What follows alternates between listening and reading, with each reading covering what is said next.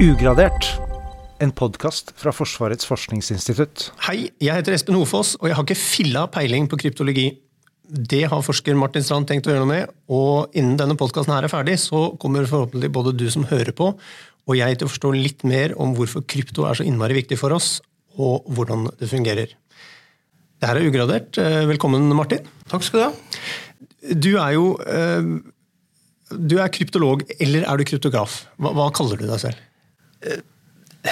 Godt spørsmål. Eh, Vi, vi satt rundt middag i går og diskuterte her. eh, Og vi kom jo egentlig fram til at kryptograf det høres ut som en maskin eller noen som opererer en maskin. Så vi ble enige om at kryptolog det, det klang best. Men da har du også omtrent hvor viktig det skillet er for oss. Så det er ikke, det er ikke sentralt. Ikke sant? Jeg kan kalle det begge deler, men hva er, eh, for å starte med det helt grunnleggende, hva er kryptologi? Kryptologi er ifølge ordboka vitenskapen om sikker kommunikasjon. Og, og sikker, hva, hva betyr det? Det er jo et, naturlig spørsmål. Det er, jo, det er både at ingen skal kunne lese kommunikasjonen som pågår, og det kan være at ingen skal kunne eh, legge inn noe kommunikasjon uten at de har lov til det.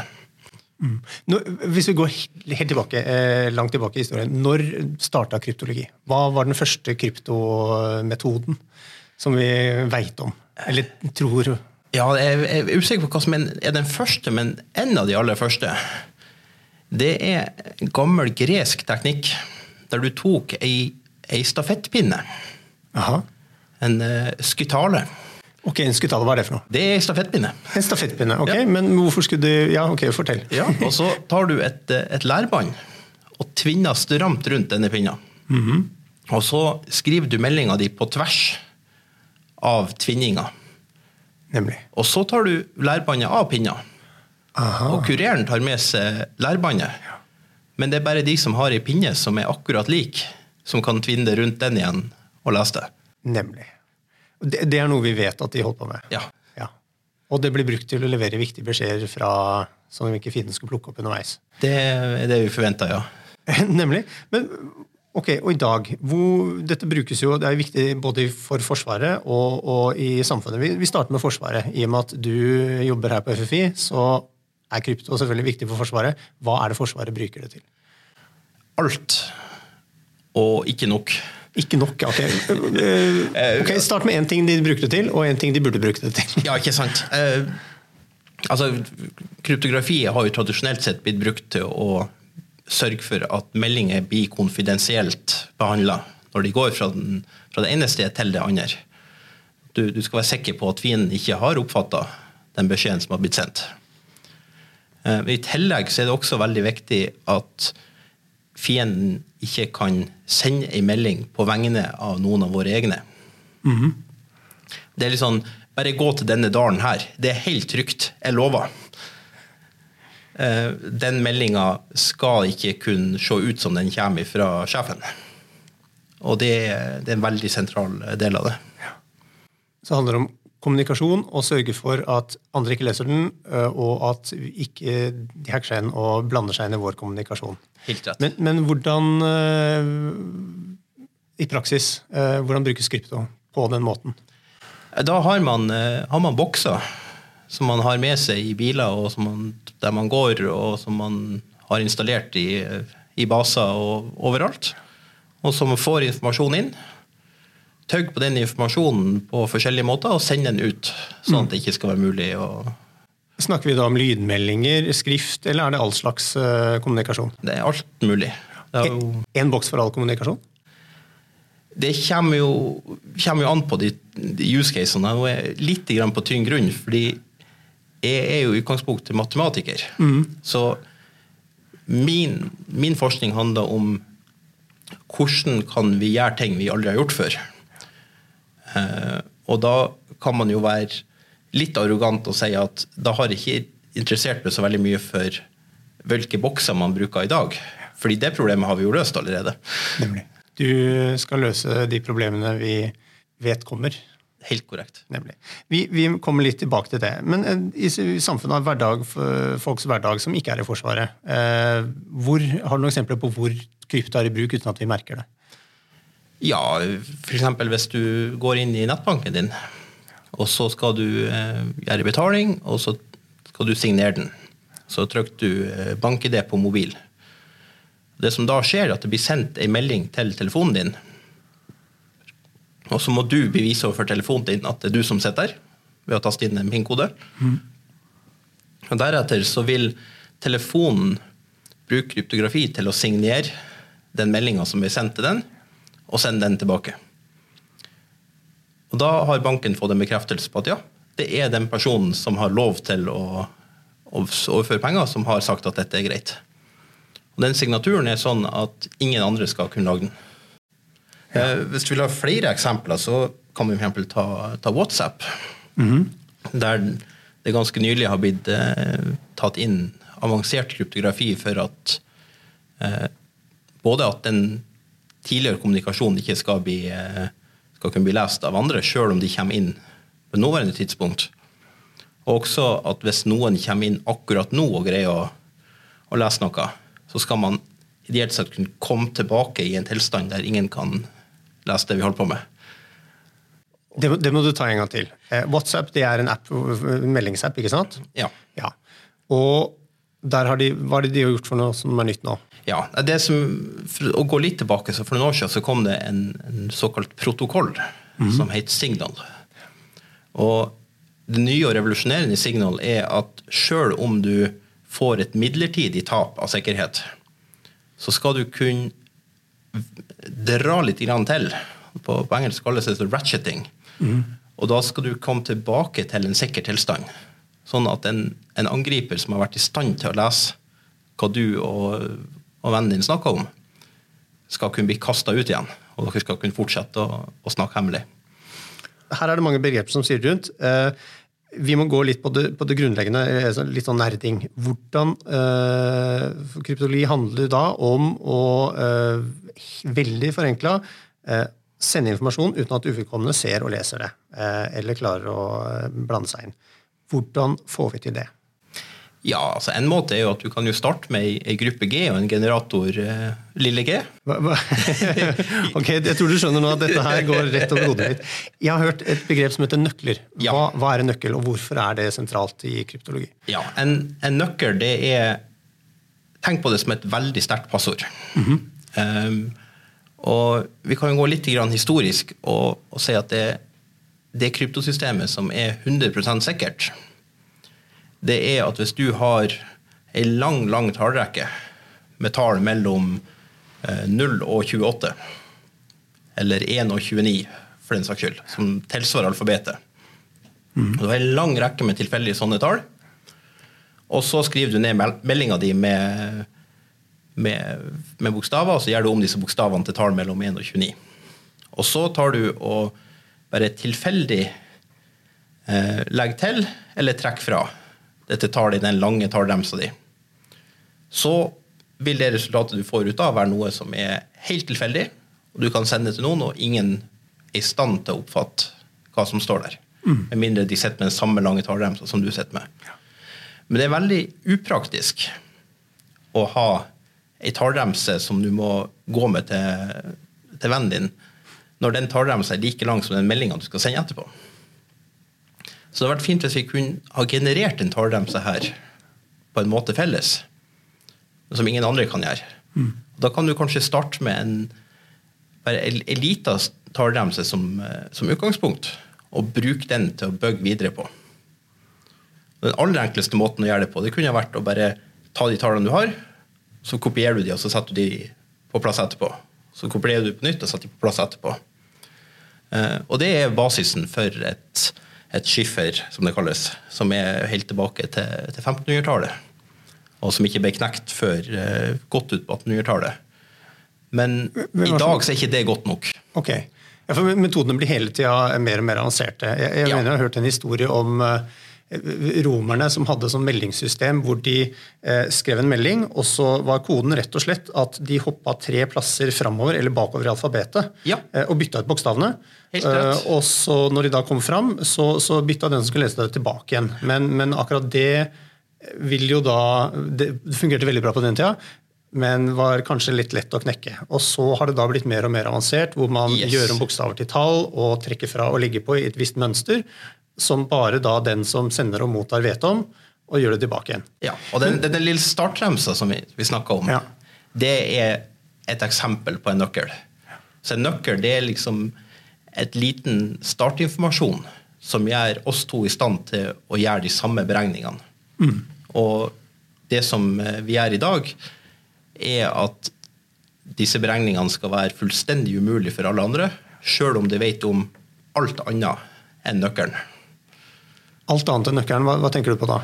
Ja, altså vi, for å, å ta det, det du snakka om som de gamle romerne holdt på med, som, eh, som kalles Cæsar-skyffere, eh, så er jo det ødelagt med en gang at fienden vet at ja, det er det de gjør.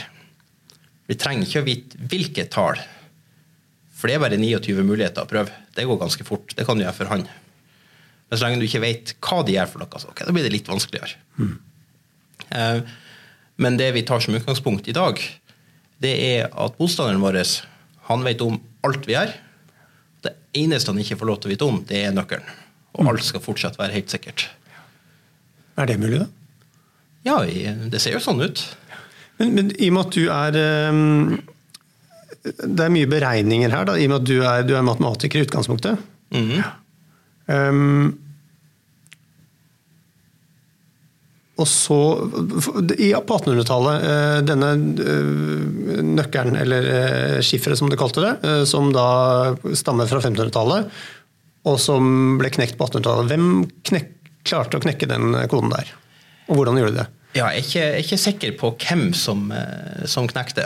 Det, hvis man er interessert i det, så er det, kan jeg varmt anbefale i boka jeg har med meg her, eh, av en mann som heter Simon Singh, eh, koder, på engelsk The Codebook, og som jo bruker mye plass til å fortelle om eh, disse tradisjonelle metodene eh, på en veldig lesverdig måte. Men ideen er at hvis du bare sitter med nok data, så er egentlig ikke det jeg beskrev i stad, noe bedre enn den gamle romerske måten. Eh, du, det er bare sånn at du har én sånn gammel romersk kode for den første bokstaven, og kanskje den sjette bokstaven.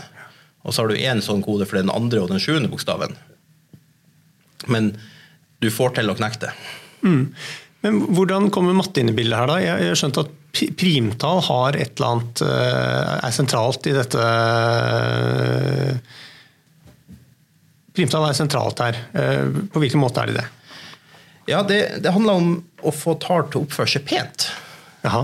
Og nå må jeg ta det litt ut av komfortsonen din. Ok, jeg, skal, jeg holder meg fast, så skal jeg prøve å skjønne Yes. dette. Så si at vi starter med tallet fire. Og da kan jeg spørre deg, hva må du legge til fire for å komme til én? Jeg må ikke legge til, jeg må trekke fra noe for å komme til én. Ja, men for en, mat, for en matematiker så er det det samme som å legge til minus tre. Ja, nemlig. Ja. Mm. Så det får vi til. Ja. Står du på fire, så kan du fint komme deg til én. Ja. Men hvis vi nå fortsatt bare jobber med, med heltall, og du er borte hos eh, nummer fire, hva kan du gange fire med for å komme til én? Eh, 0,25. Ja, men det er jo ikke et heltall.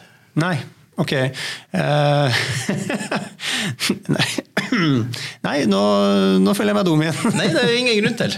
For svaret er at det går ikke. Nei, ok. Ja, så du, du var kjempesmart. Ja, det var smart, takk. Ja. takk. Så, så det vi da har innført da, det er, en sånn type klokkeregning. eh, for hvis vi begynner å, å se på klokka, når klokka er 11, og så spør jeg hva er klokka om to timer, hva svarer du da? Ett. Ja. Ikke sant? Det er kjempelett. Det får alle til. Ja.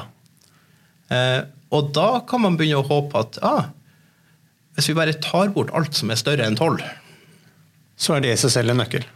Nei. Nei. Vi er, vi er ikke helt uh, kommet okay. dit ennå. ja, men, eh, men godt forsøk. Ja. Uh, hvis vi, starter der, og så hvis du ganger fire med noe, så kommer det over 12. Mm. Men da kan vi jo dytte ned med 12 igjen. Ja. Vi bryr oss ikke om det som er større enn 12. Nei. Eh, Men vi har likevel et problem. Fordi at denne fireren vi får fortsatt ikke den til å komme seg tilbake til én. Hvis det er tolv vi bruker som det her magiske tallet vi snur oss rundt ved. Men hvis vi i stedet for å bruke tolv, bruker et primtall For tolv er jo tre ganger fire. Men hvis vi bruker et primtall, f.eks. 17, så er vi garantert at vi, uansett hvilket tall vi starter med, eh, under 17, så kan vi finne et, an- et annet tall under 17 så vi kan gange det med, og komme tilbake til 1. Og da har vi plutselig fått tall som oppfører seg på en veldig veldig fin måte. Og det kan man utnytte til å lage kryptografi. Ok. Og for de som sitter og hører på og ikke vet hva primtall er, Et primtall er et tall som kun er delelig på seg sjøl og én. på seg selv og én. Ja, guttungen hadde det i leksa her om dagen, da måtte jeg google det. For det, dette har forsvunnet siden sist.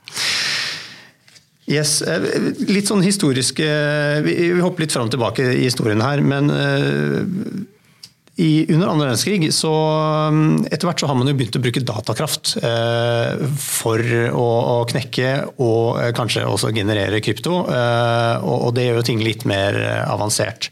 Eh, under an- andre verdenskrig så klarte jo engelskmennene eh, ved hjelp av en smarting som het Turing, stemmer det?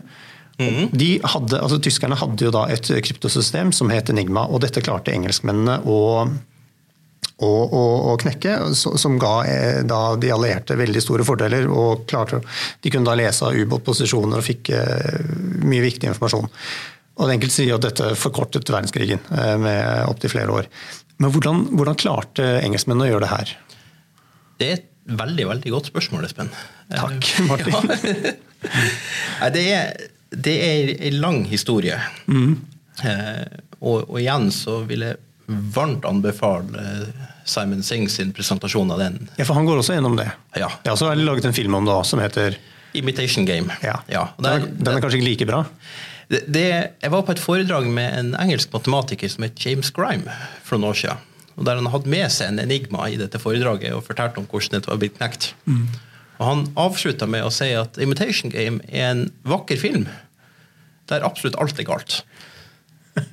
Ok, ja, Da bruker vi ikke mer tid på den. Men hvis du, hvis du, det, er mange skisser til, til det riktige der, men Mm. eh, som, som alle filmregissører så har jo, har jo Tullum der tatt seg, tatt seg store friheter for å, å dramatisere og lage en god film, og det, vi- det må vi- vel akseptere. Ikke sant. Sånn, eh, alt er lov i film og kjærlighet. holdt jeg på å si. Hvis du skal ta deg, uten å ta deg for mye friheter, prøv å kortversjonen av hvordan de klarte å knekke det, hvis det er mulig. Ja, vi kan, vi kan prøve. Eh, først og fremst så er det jo veldig viktig å huske å gi eh, de polske kryptologene veldig mye av ære her. For i, i tida som leda opp til andre verdenskrig, så hadde de allerede knekt en tidligere utgave av Enigma. Men da de så at det var stor fare for at de sjøl kom til å bli eh, invadert, så inviterte de franskmennene og engelskmennene på et eh, møte i Warszawa. Fortalte dem hva de hadde, og sendte dem det de hadde i diplomatpost til Paris. Og som videre ble smugla inn til England av en skuespiller. For at tyske spioner ikke skulle, skulle fatte mistanke. Eh, Men det som, det som gjelder i, i Enigma, er at den har et såkalt veldig stort nøkkelrom. Og nøkkelrom det er alle mulige nøkler som kan brukes, eller i dette tilfellet alle mulige innstillinger av maskinen. Eh, Så det å teste alle de forskjellige innstillingene hver dag, det var helt umulig. Det hadde man ikke nok, eh, nok kraft til. Eller, altså, man laga en, en mekanisk regnemaskin som kunne prøve mange innstillinger, men de hadde ikke sjanse til å prøve mange nok. For, for dette var, Poenget her var jo at de måtte lese meldinga samme dag. De kunne ikke bruke ubegrensa tid på å knekke koden. Ja, ikke sant? Og eh, uten noen lure triks så hadde de ikke greid å lese meldingene på flere år. Så det, det hadde jo vært håpløst. Men det eh, Noe av det geniale som, som Turing og folkene rundt han oppdaga, det var at Enigma kunne aldri kryptere én bokstav til seg sjøl. Nei. Enigma det ser ut som en slags skrivemaskin. Når du trykker på en tast, så lyser det opp i lamper. Ja. Så eksempel skulle man trykke på T, og så lyste det opp i E. Og da ble akkurat den T-en kryptert til E. Så skrev man av den krypterte meldinga og sendte den. Det kom aldri til å skje at du trykte på tasten T, og så lyste lampa T opp. Det var fysisk umulig for den boksen. Og så var jo tyskerne de var veldig strukturert.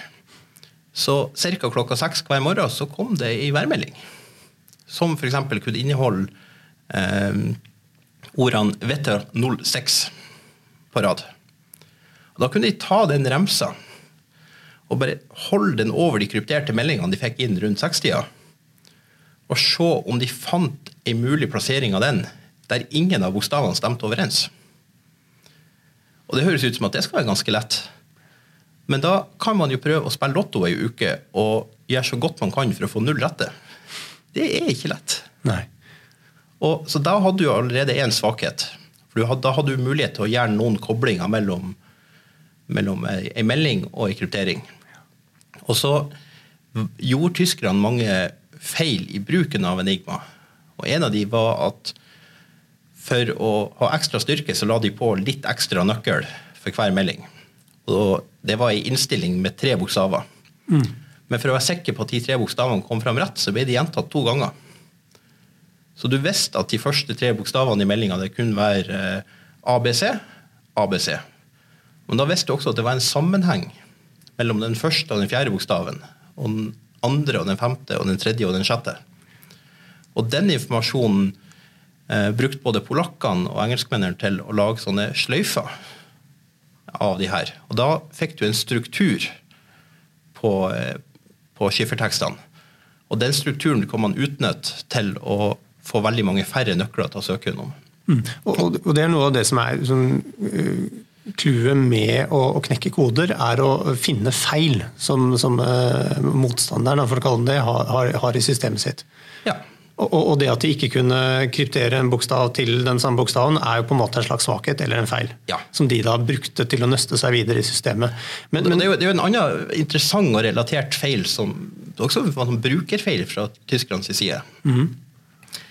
Den nøkkelen den ene dagen skulle aldri ligne for mye på nøkkelen den forrige dagen. Uh, og det gjorde at engelskmennene automatisk kunne utelukke veldig mange mulige kandidater. Fordi det de allerede hadde brukt, kom ikke tilbake? Ja. ja. Så et forsøk på å være lur gjorde at engelskmennene fikk det mye lettere. Nemlig. Men, de, men de, de, må jo ha brukt en slags datakraft, for, fordi alt dette her kan man jo ikke gjøre manuelt. Altså Filtrere så mye informasjon og luke ut hva som er, ikke stemmer.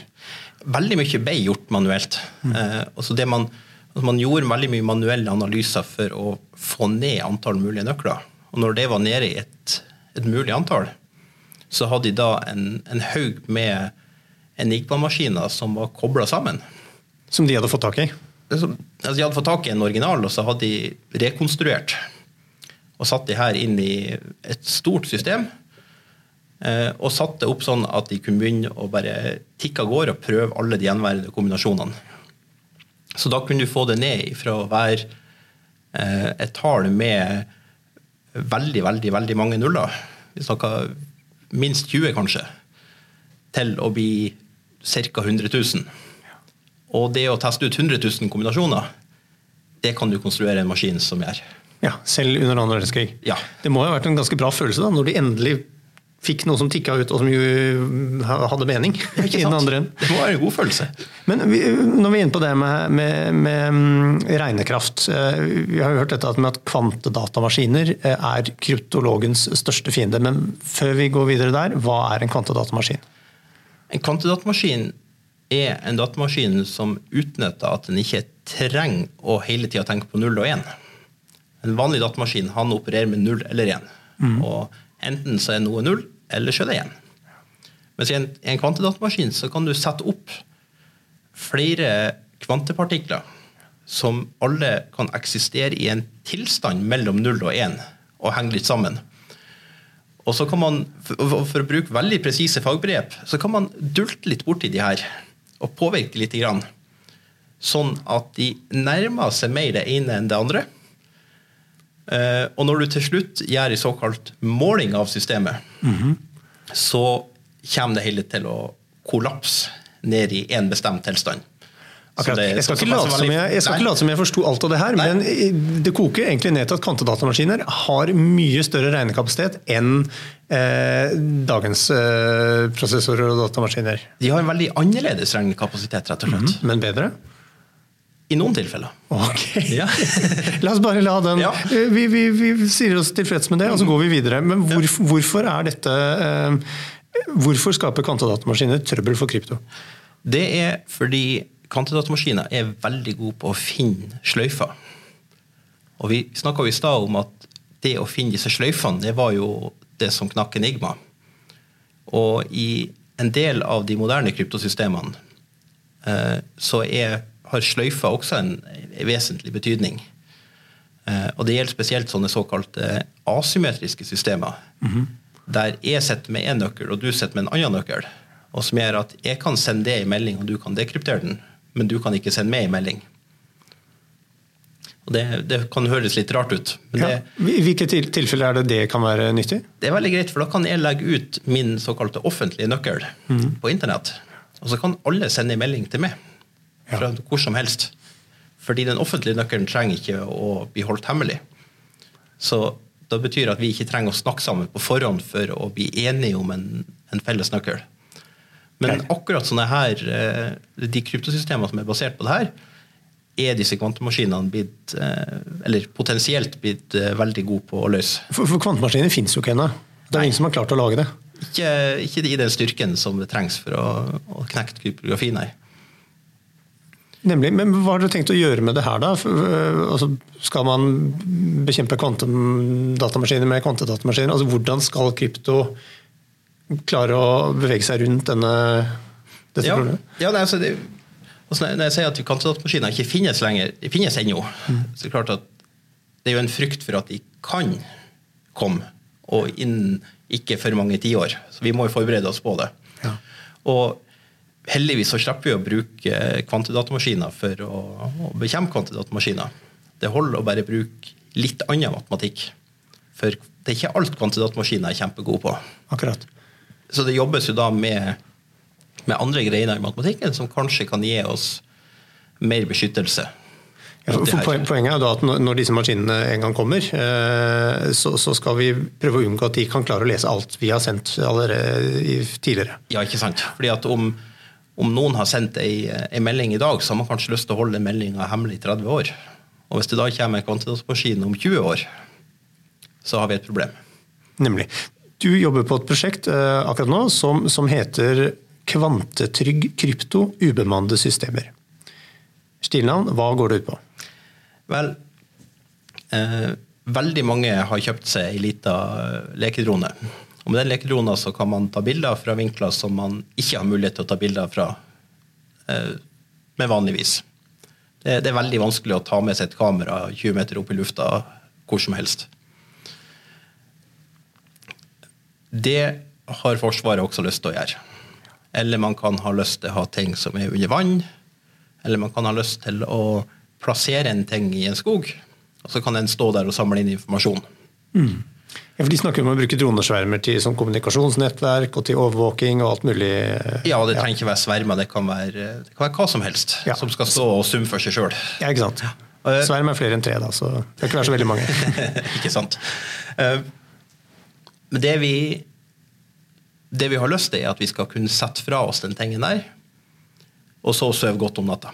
Ok, Og den tingen eh, skal jo kunne plukke opp ting på et sted der det kanskje er mer sannsynlig at det kommer en motstander enn at det er vi som kommer. Så vi må tøle å miste den.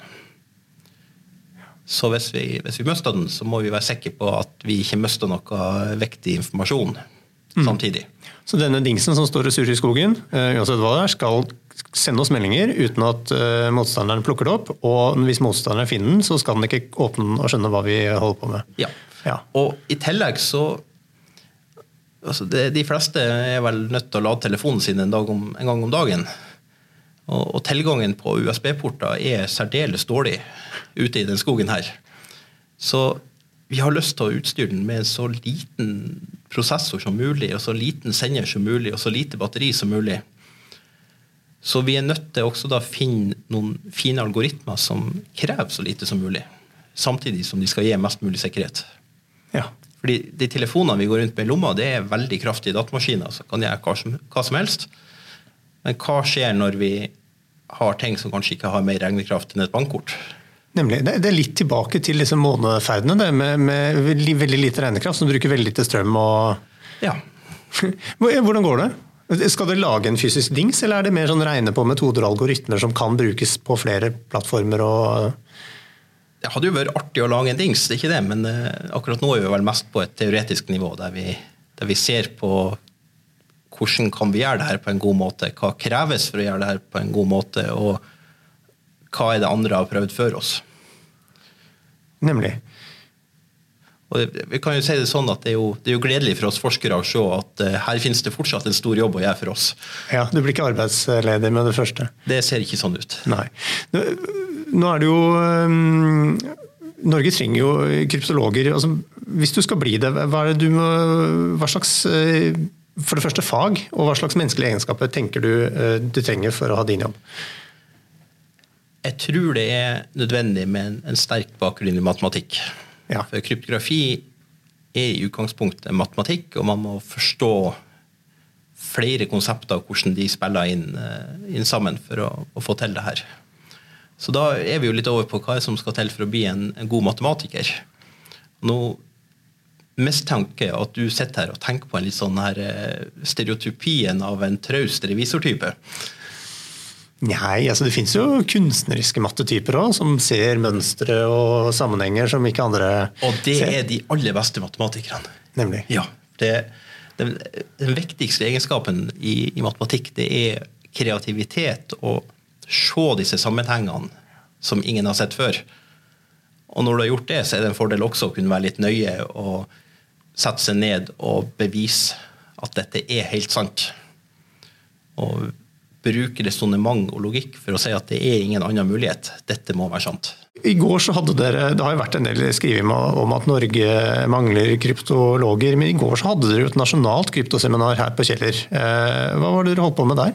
Det var ei fantastisk anledning til å samle veldig mange av de som jobber med kryptografi i Norge. Så både fra et akademisk ståsted, fra produksjon i industri, og de som bruker det til våre tjenester i det daglige. Så Vi hadde 40 deltakere fra 14 forskjellige organisasjoner. Og jeg tror alle sammen fikk høre noe de ikke hadde tenkt på før. Og kanskje snakke med noen de ikke hadde møtt før. Absolutt, og det var jo et av de, de store målene. Og det, nei, det, var, det, var, veldig artig å se hvordan sivil og militær industri kan bruke de samme algoritmene på vidt forskjellige måter og i vidt forskjellige domener. Og fikk også veldig mange gode presentasjoner fra doktorgradsstudenter som fortalte om eh, sine prosjekt. Og eh, sjøl om det ennå ikke er kjempemange, så er de vi har, i hvert fall veldig gode. Og det, det, er jo en hyggelig ting å ta med seg. Ikke sant, og I en del av oppslagene så, så har det vært snakk om at Norge er ikke i stand til å forsvare seg mot den og den type angrep. Du er ikke så bekymra, kanskje? Det kjenner jeg ikke godt nok til til å, å si noe veldig godt om. Men det er, jo, viktig å huske på at vi trenger jo, vi trenger jo hele spekteret. Vi trenger noen kryptologer som kanskje sitter i arkitektrolle. Så trenger du mange som, som kan mer praktisk IT-sikkerhet, og som mer opererer som byggmesteren. Du, du trenger kanskje bare én arkitekt for å, bygge, for å, bygge, mange hus. Men du trenger en byggmester per hus likevel.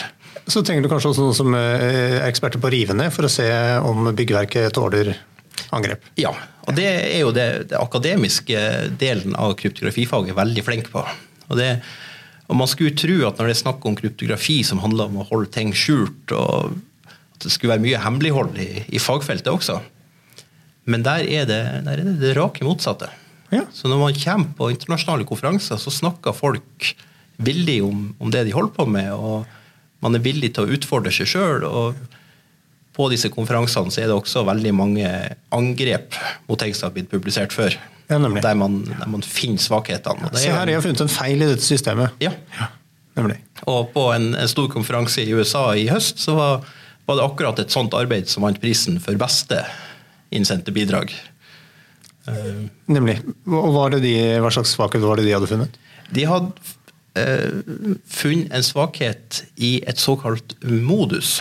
Man kan, man kan starte med et, et, moderne skiffer som heter AES. og Da kan man bruke det på mange forskjellige måter.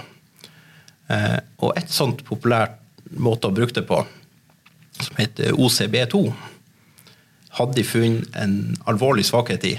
Og de hadde også da funnet en måte å, å rette opp.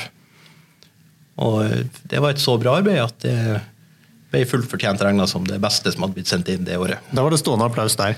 Eh, vi, vi nærmer oss slutten nå. Eh, eh, dette eksempelet med, med tyskerne og Enigma, har du et ganske ferskt eksempel på altså, kryptoknekking som har fått store konsekvenser og ringvirkninger? heldigvis ikke. I det at fagfeltet har vært veldig flink til å, å luke ut feilene i matematikk før ting blir, blir tatt i bruk. Og for tida så det, foregår det standardiseringsprosesser i det amerikanske NIST, National Institute of Science and Technology. Og der jobber de veldig åpent og godt og sørger for å få inn alle motrøster og alle angrep for å ende opp med ting som er godt nok. Så det som blir brukt av kryptografi, er ofte bra. Men det er jo alltid en men. Ja. Største problemet er kanskje menneskene og systemene rundt. Ja, og hvordan vi programmerer matematikken her. For matematikken kan være god, men måten vi programmerer matematikken på, kan av og til gi uheldige utslag. Og da har vi jo hatt mange eksempler de siste årene på store svakheter. Mange husker kanskje eh, Heartbleed, som gjorde at servere kunne bli lurt til å lekke nøklene sine. Og nå nylig så var det jo en melding på forsida på nrk.no om at eh, Nasjonal sikkerhetsmyndighet oppfordra alle sammen til å oppdatere Windows 10 så fort de kunne. Mm. Og det skyldtes at det i programmering av Windows 10 var lagt inn en liten feil ved et uhell, og som gjorde at den datamaskinen kunne akseptere alle mulige sertifikat. Og da har vi et problem. For det betyr at hvem som helst kan utgi seg for å være hvem som helst andre. Og det betyr at hvem som helst kunne ha utgitt seg for å være nrk.no og fora med falske nyheter, f.eks. Og det kunne hatt mange andre enda mer alvorlige konsekvenser. Da er det bra vi har bytta til uh, nytt operativsystem her.